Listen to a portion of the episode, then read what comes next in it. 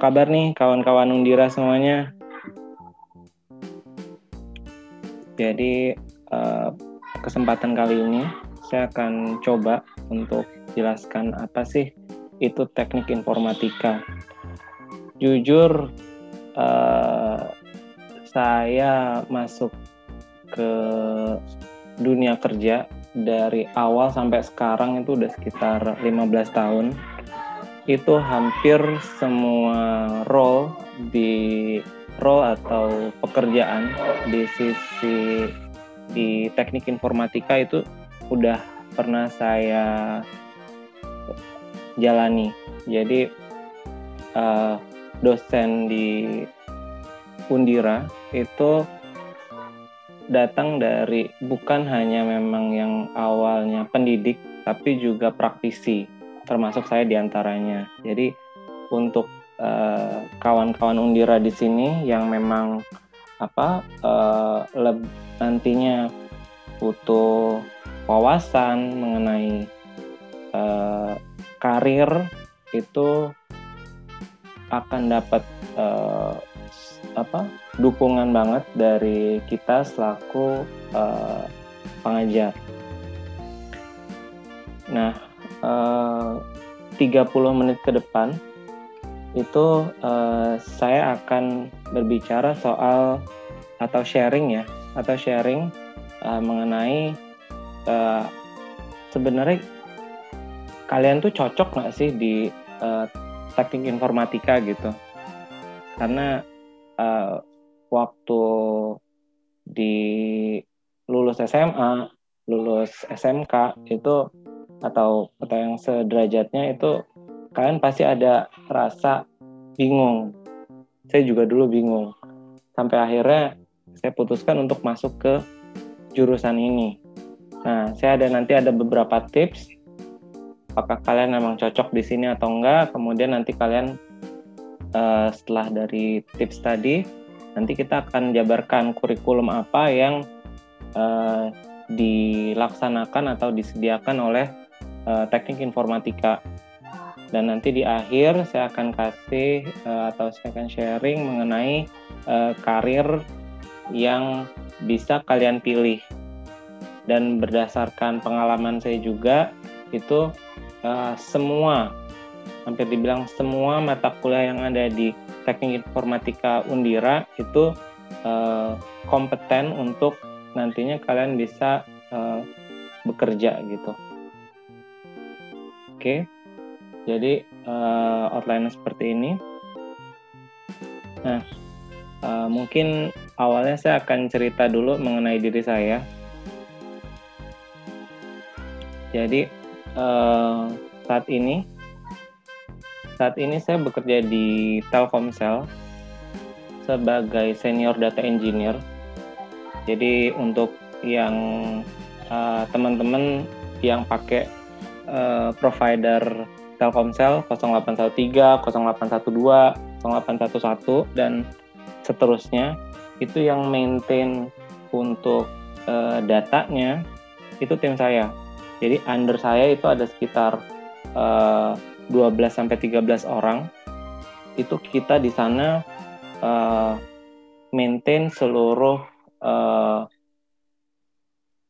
profile, kemudian nanti uh, seluruh aspek yang ada di customer itu kita maintain. Tujuannya apa? Agar kita bisa memberikan uh, paket yang tepat untuk orang tertentu. Karena kayak kita nggak bisa bikin satu saat ini ya, saat ini di sisi di industri teknologi itu kita kenal apa yang namanya uh, custom.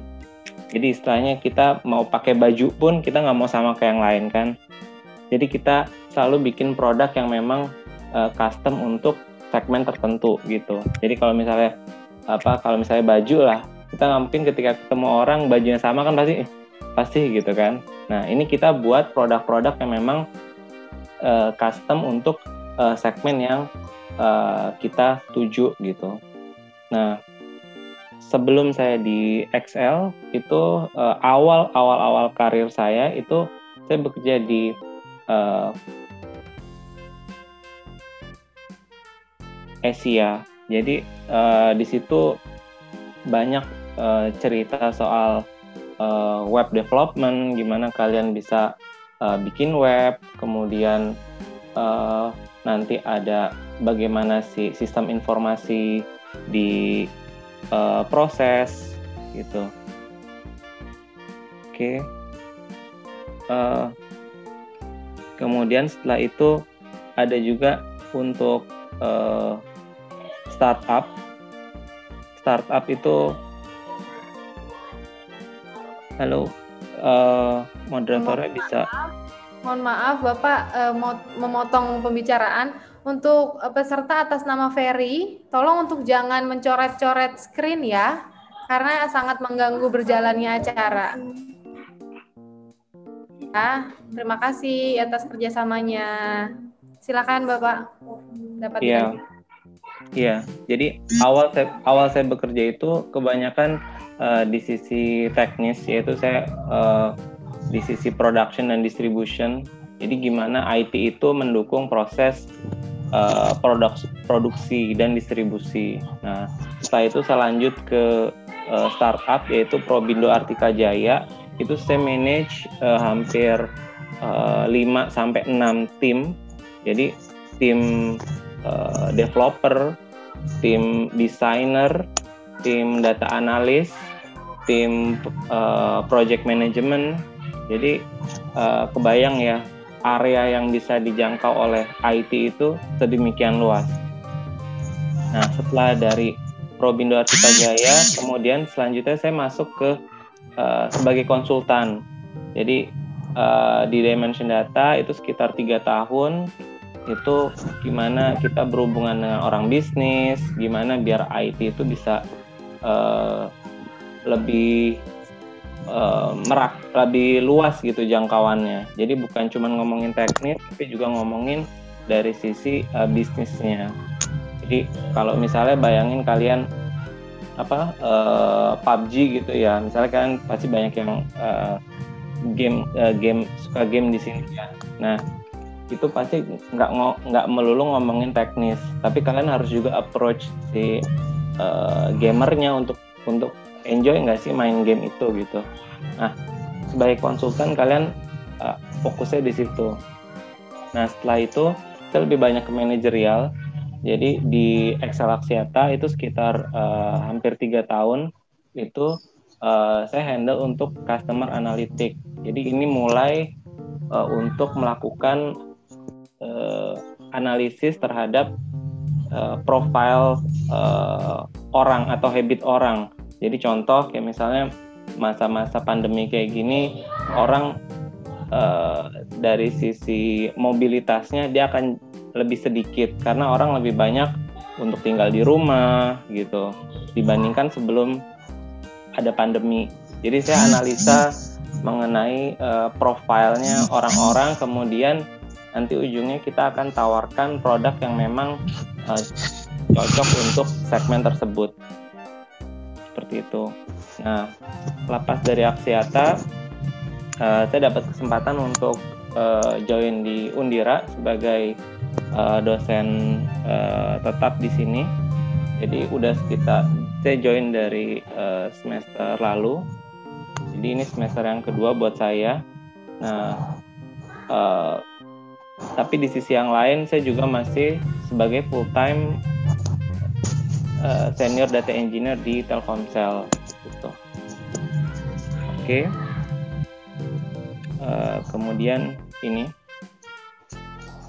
balik ke slide saya. Apakah saya cocok di informatika? Pertanyaannya itu. Dulu awal-awal saya juga masih galau gitu ya.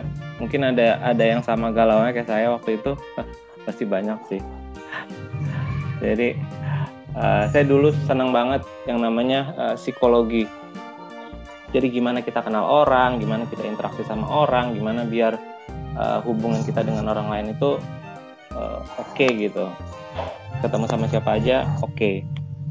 saya suka banget sama itu nah tapi akhirnya saya pilih informatika kenapa sih oke okay. nah teman-teman mungkin uh, kawan-kawan Undira, saya akan jabarkan sedikit di sini. Kenapa sih saya cocok di informatika? Kalau kalian memenuhi kriteria ini, kemungkinan besar kalian itu cocok di teknik informatika. Apa aja? Yang pertama, tentu kalian udah kenal bahasa pemrograman sebelumnya dan uh, punya uh, dan punya experience atau pernah nyoba-nyoba bikin web atau uh, tertarik banget untuk uh, bikin aplikasi yang berhubungan dengan komputer. Nah, ini gue nih punya rasa penasaran besar. Nah, itu kalian itu kemungkinan besar cocok di teknik informatika. Masa lima aja? Enggak. Nah, ada yang lain lagi. Jadi, eh, kalian sering juga menghabiskan waktu untuk mencari tutorial pemrograman di internet. Atau punya cita-cita malah memang jadi programmer. Dan hobi juga untuk ngutak-ngatik Linux atau Android. Sebagai background, saya dulu eh, kelas 3 kelas 3 SMA ya, dulu masih zamannya uh, 1 2 3, kelas 3 SMA di ujian akhirnya itu untuk mata kuliah desain. Jadi kita ada kalau dulu namanya uh, Photoshop ya, mungkin sekarang Photoshop kali ya. Masih sama. Nah, itu ujian akhirnya saya dapat 100 100 bulat perfect. Nah, uh, di akhir di di masa-masa itu masa uh, selepas selepas kuliah eh sorry selepas SMA itu saya dapat nilai 100 tuh saya modal gitu terus saya ujian ujian negara dan ujian di Telkom. Nah dua-duanya masuk. Telkom masuk ujian negaranya masuk. Waktu itu saya keterima di ITB nah tapi di ITB itu jurusan saya di Fakultas MIPA nah setelah singkat cerita, salah satu alasan kenapa saya masuk ke teknik informatika karena nilai 100 saya itu gitu. Jadi saya yakin kalau saya bisa maksimal di sisi yang saya suka, itu saya bisa uh, maksimal di sana gitu. Jadi itu juga berlaku buat kalian.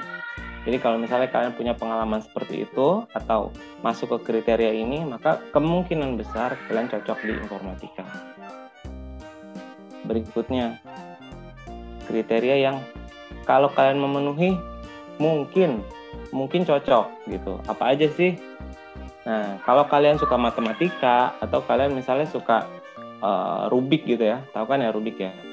Nah itu kemungkinan kalian cocok di informatika atau suka hal-hal yang baru. Jadi kayak uh, saya sendiri saya suka uh, coba hal-hal yang baru. Jadi sebelumnya misalnya saya nggak bisa main piano kemudian saya uh, punya inisiatif untuk bisa belajar saya ikut di apa saya banyak uh, lihat di YouTube tutorial segala macam sampai akhirnya saya bisa sekarang kemudian saya cobain hidroponik dari yang sebelumnya nggak bisa tapi saya suka untuk belajar hal yang baru. Sampai sekarang saya bisa punya jadwal panen sendiri. Saya sebelumnya juga kurang suka mengenai ikan. Sampai sekarang saya bisa uh, punya uh, ada dua kolam di di rumah saya yang lumayan besar. Itu isinya ikan koi sama ikan uh, nila. Jadi memang saya suka hal yang baru. Nah kalau kalian memenuhi itu mungkin kalian cocok di informatika. Apalagi kalau misalnya kalian udah suka oprek smartphone gitu. Kayak misalnya kayak uh, di iOS ya ada kita punya jailbreak terus ada apa uh, root routing ke handphone. Nah, itu uh, da, kalian mungkin cocok di informatika. Nah ini yang opposite dari yang kita udah sebutin tadi. Kemungkinan kecil kalian cocok di informatika. Apa aja. Kalau kalian nggak suka hal yang baru.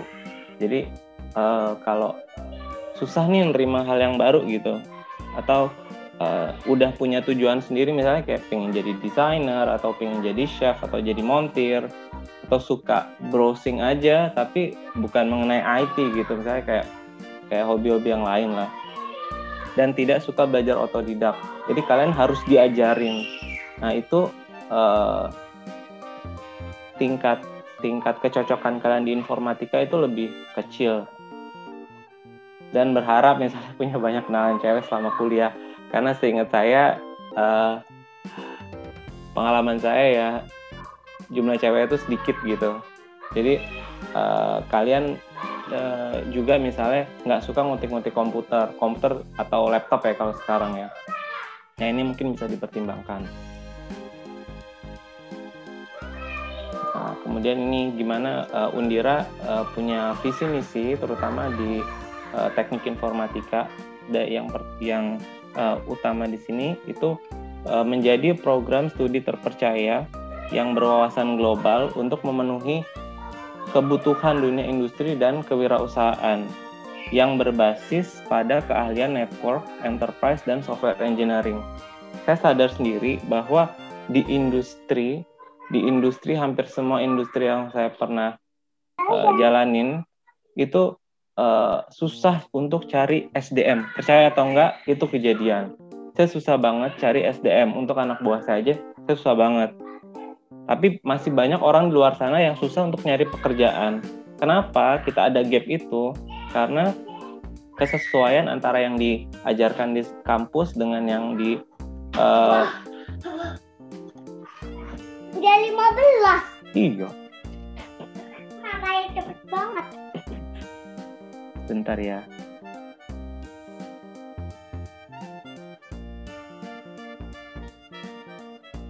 sepertinya ada uh, sedikit ya dari Pak Eri untuk uh, mempresentasikan ya, ya. Saya juga tadi uh, izin Mbak Sekar, saya tadi uh, membuat kesimpulan sedikit dari paparan sebelumnya Pak Eri. Jadi kalau kalian di dalam uh, memilih uh, teknik informatika ini Uh, yang pertama uh, tadi kalau kemungkinan besar berarti pernah tahu nih kira-kira uh, mungkin kalau di SMK di sini ada uh, jurusan dari SMK ada RPL-nya, RPL itu mungkin pernah ngoding atau di uh, TKJ-nya mungkin bagian jaringan ya. Nanti bisa lebih dalam lagi teknik informatika. Oh penyelesaiannya seperti apa gitu dalam su uh, suatu uh, permasalahan di uh, TI-nya di dalam suatu perusahaan gitu. Atau kemungkinan menengahnya kalian suka menyelesaikan masalah? Oke. Okay. bentar.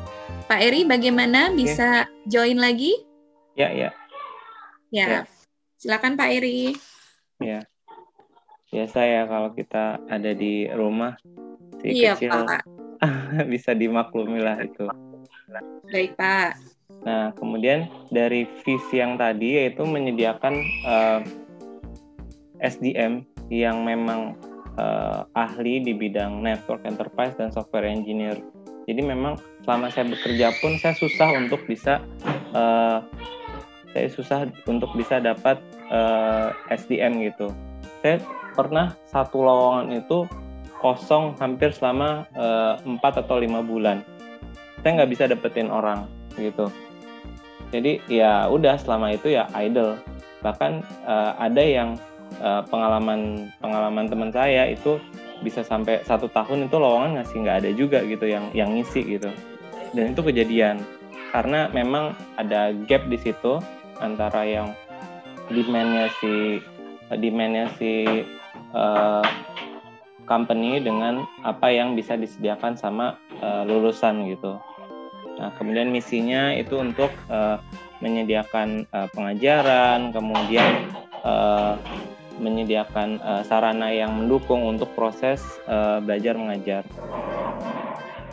Nah, selanjutnya itu uh, saya akan cerita soal uh, kurikulum. Jadi teman-teman di sini pasti uh, masih masih uh, fresh ya soal yang dipelajari selama uh, eh, SMA, SMK dan uh, se, uh, yang sejajar gitu. Nah, awal-awal kalian akan masuk di teknik informatika itu akan uh, tetap uh, ada mata kuliah yang yang uh, sama dengan uh, apa yang kalian pelajari sebelumnya dan ada yang kita kenalkan yang baru gitu. Jadi contohnya seperti ini untuk uh, semester 1 itu kalian akan dikenalkan apa yang dinamakan dengan uh, algoritma, kemudian sistem basis data. Nah, untuk yang bahasa Indonesia Pancasila dan kalkulus pasti uh, kalian udah uh, master lah untuk udah udah berkenalan dengan uh, materi tersebut waktu uh, kalian masih di uh, sekolah uh, SMA gitu. Nah, kemudian di semester 2 itu uh, kalian akan uh, lebih banyak uh, materi yang lebih menjurus ke teknik informatika. Jadi mulai uh, kalian ketemu sama uh, praktikum. Jadi di samping kalian hanya belajar uh, teori, tapi kalian juga untuk uh, prakteknya itu bisa dapat uh, gambaran gitu.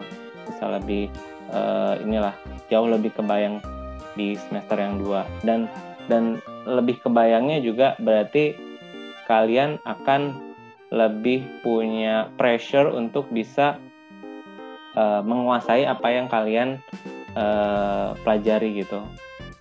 Nah, tapi tetap mesti didampingi oleh misalnya kayak uh, pelajaran pendukung seperti aljabar, kemudian statistik gitu.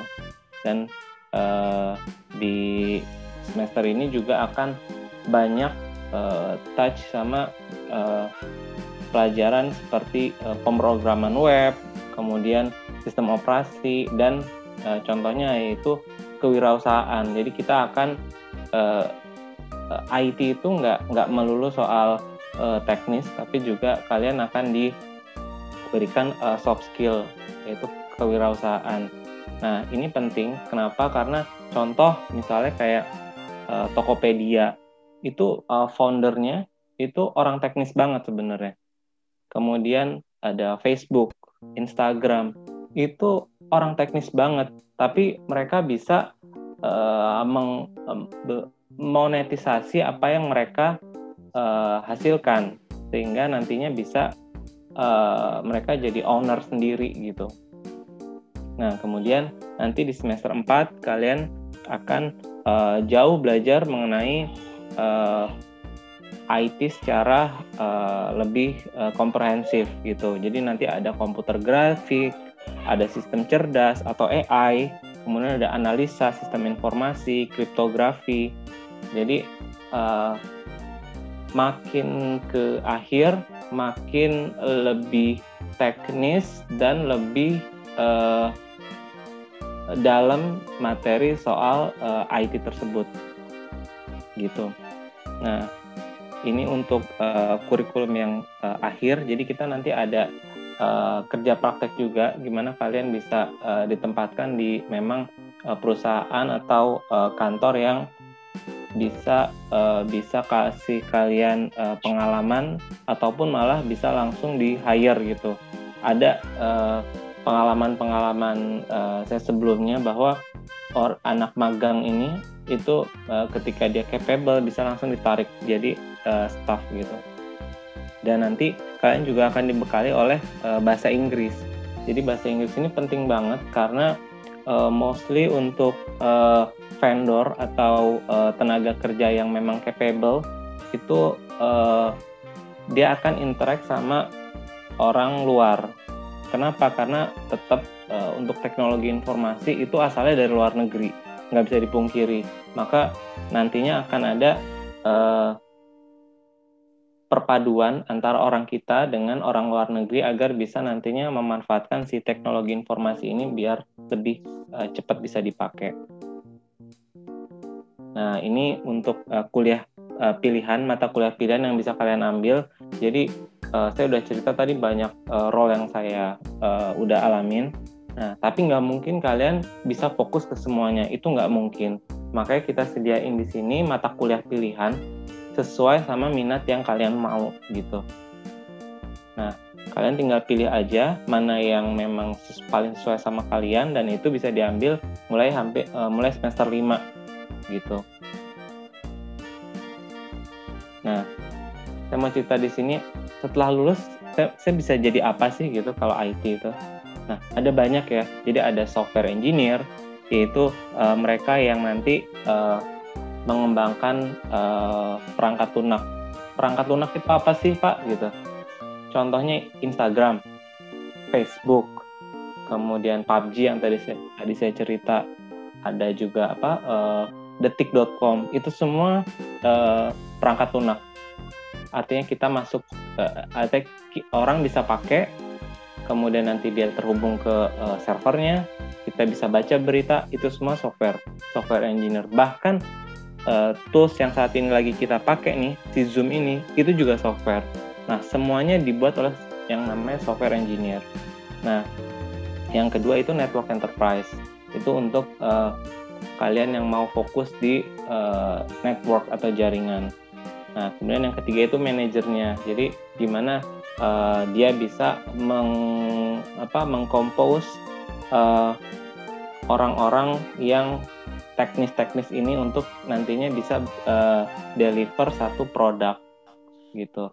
Kemudian yang berikutnya IT consultant, uh, pendidik dan teknopreneur. Jadi teknopreneur yang tadi saya cerita untuk uh, dia nanti bisa uh, buat misalnya kayak apa ya? Kayak misalnya buka lapak lah. Nah, buka lapak itu uh, awalnya uh, dia hanya coba-coba aja. Tapi uh, ketika itu bisa dimonetisasi, maka uh, perusahaannya juga makin uh, bertambah besar dan itu bisa jadi satu teknologi yang membantu banyak orang gitu. Nah, ini tipikal IT department. Jadi di perusahaan kedua saya yaitu di uh, Probindo Artika Jaya waktu itu ya. Nah, jadi saya mau cerita nih, di Probindo Artika Jaya itu saya hampir uh, mengalami semua semua apa? Uh, saya ada di posisi di product delivery director lah kalau ada di gambar ini. Tugasnya itu apa sih? Nah, tugasnya itu untuk bisa manage uh, multiple uh, divisi. Jadi mulai dari sini, mulai dari uh, bisnis analis, bisnis analis itu untuk menganalisa kebutuhan. Contoh, misalnya kayak uh, saya ingin uh, Instagram gitu, misalnya Instagram itu gampang dipakai, mudah di scroll misalnya, atau mudah di uh, di lope-lopein gitu ya, di lope-lopein. Nah itu uh, dia yang akan mengumpulkan kebutuhannya apa uh, kebutuhannya user tuh apa sih gitu? Apakah aplikasinya harus tadi uh, mudah di scroll atau kalau misalnya saya klik itu saya jadi uh, suka gambar itu gitu. Nah tim bisnis analis ini itu yang akan mengumpulkan kebutuhan-kebutuhan itu. Dan itu uh, waktu itu saya saya manage mereka juga. Nah tentu kalau misalnya uh, kita pakai satu aplikasi Instagram, Instagramnya misalnya mati gitu, atau YouTube lah, YouTube kan uh, terakhir uh, dua bulan yang lalu dia sempat down ya, dia sempat down. Nah, tentu ketika down harus dicari kan uh, masalahnya ada di mana sih kan gitu kan. Nah, untuk membuat sistem itu stabil dan uh, cepat dalam nantinya bisa up lagi itu dibutuhkan arsitek di situ. Nah, arsitek ini juga bagiannya dari IT juga. Nah, kemudian tadi uh, bisnis analis, arsitek, kemudian yang ketiga itu development manager. Ini yang akan membuat si uh, aplikasinya, aplikasi YouTube itu, aplikasi Instagram itu, mereka yang akan membuat. Nah, ada kejadian misalnya kita update gitu ya, kita kita uh, update aplikasi uh, Instagram lah balik lagi kok di yang rilis terbarunya ketika saya update itu banyak kan uh, nge-crash ya atau uh, kayak misalnya uh, aplikasi Instagramnya ternyata bikin baterai saya cepat panas gitu. Nah, ada proses quality di sana. Nah, itu yang namanya QA manager. Dia akan memastikan bahwa rilis dari produk yang sebelumnya dikeluarin itu uh, stabil dan bagus untuk nantinya dipakai oleh user. Nah, itu di sisi uh, eh, QA. Itu juga bagiannya IT balik lagi.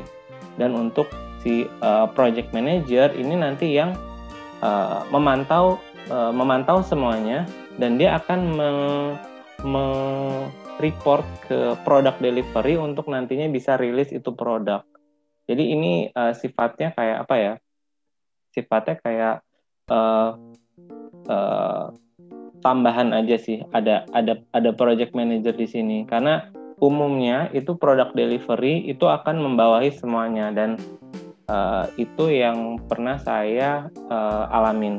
Jadi gimana biar uh, role yang yang macam-macam ini dari business analyst, kemudian dari arsitek, development dan QA itu bisa jalan bareng nantinya bisa kasih update software atau uh, sistem yang baru ke luas gitu.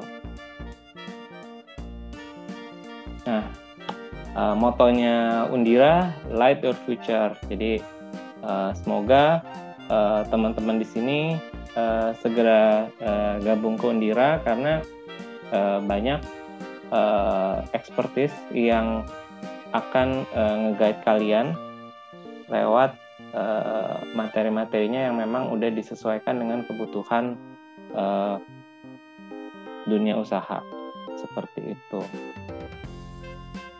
Baik, sepertinya uh, seperti itu dulu, Mbak Leoni. Terima kasih Pak Eri. Uh...